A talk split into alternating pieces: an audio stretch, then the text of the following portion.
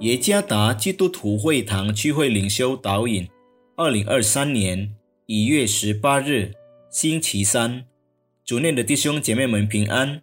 今天的领袖导引，我们要借着圣经马太福音二十五章二十二到二十六节来思想今天的主题，不是以成功来衡量。作者于来发传道。马太福音二十五章二十二到二十六节。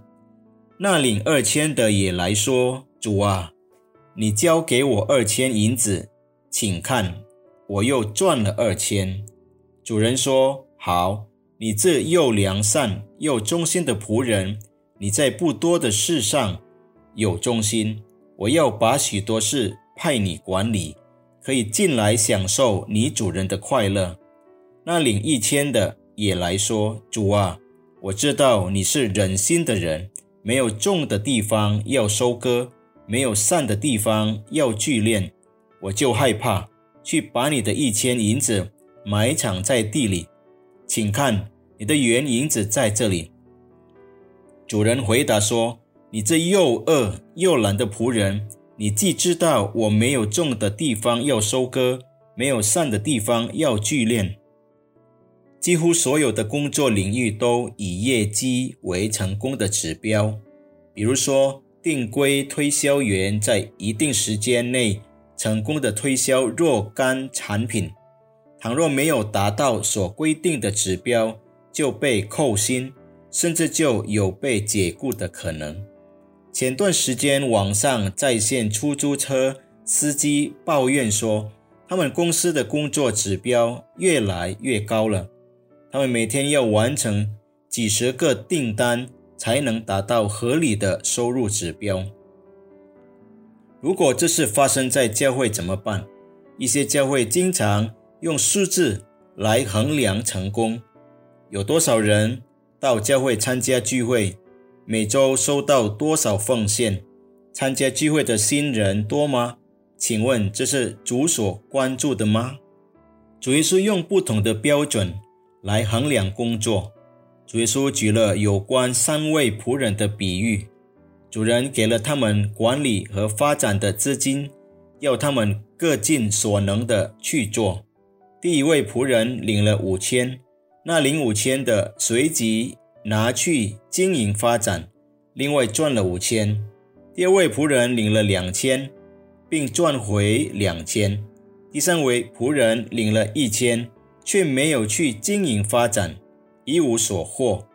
过了一段时间，主人追究他们在职责上应承担的责任。主人表扬了第一和第二位仆人，他说：“好，你这又良善又忠心的仆人，你在不多的事上有忠心，我要把许多事派你管理。”但却责备第三位仆人。你这又饿又懒的仆人，略为读这段比喻，这个故事给人的印象是主人所衡量的是业绩，但实际上主人对仆人的评估是他们对此任务的态度。第一和第二位仆人受到表扬，不是因为他们所获得的业绩，而是因为他们。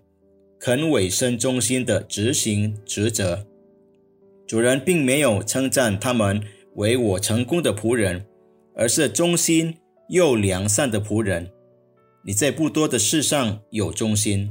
主人对第三位仆人，并没有说你这失败的仆人，而是说你这又饿又懒的仆人。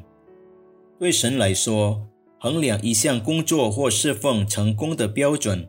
不是数量，而是过程。在一个过程中，最重要的不是最终的成果，而是达到成功的过程。如果没有按照圣经的教导，没有经过正确的过程，即使有辉煌的成就也没意思。因此，在工作和服侍的过程中，必须让神参与其中。我们需要专心。而忠以他的话语来为神工作。有时我们会失败，有时我们会成功，这一切都是神所允许发生的。当失败时，我们若能持续殷勤忠心地完成所托付的事工，神必对我们满心微笑。同样的，当我们成功时，也不可心高气傲，因为一切都是神的恩典，我们才能获得今天的成就和成功。对神来说，衡量一项工作和服饰是否成功的标准，不是数量，而是过程。愿上帝赐福弟兄姐妹们。